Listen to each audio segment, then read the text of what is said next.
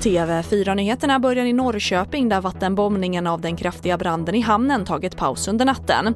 Orsaken är att piloterna ska vila och helikoptrarna tankas. Branden medför kraftig rökutveckling och räddningsledaren uppmanar fortsatt alla i området som känner obehag att gå inomhus.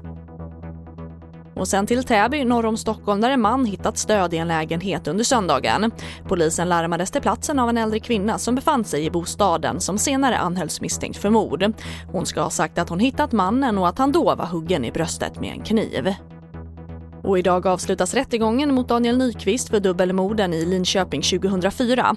Enligt sin egen beskrivning valde han ut den 56-åriga kvinna och den 8-åriga pojken helt slumpmässigt och dödade dem för att dämpa sin ångest. Och artisten och skådespelaren Anita Lindblom, känd bland annat för att ha sjungit succélåten Sånt i livet, har dött, 82 år gammal. Sen slutet av 60-talet bodde hon i Frankrike men återvände till Sverige på 70-talet och medverkade i filmer som En kärlekshistoria och Rännstensungar. Och det får avsluta TV4-nyheterna. Jag heter Charlotte Hemgren.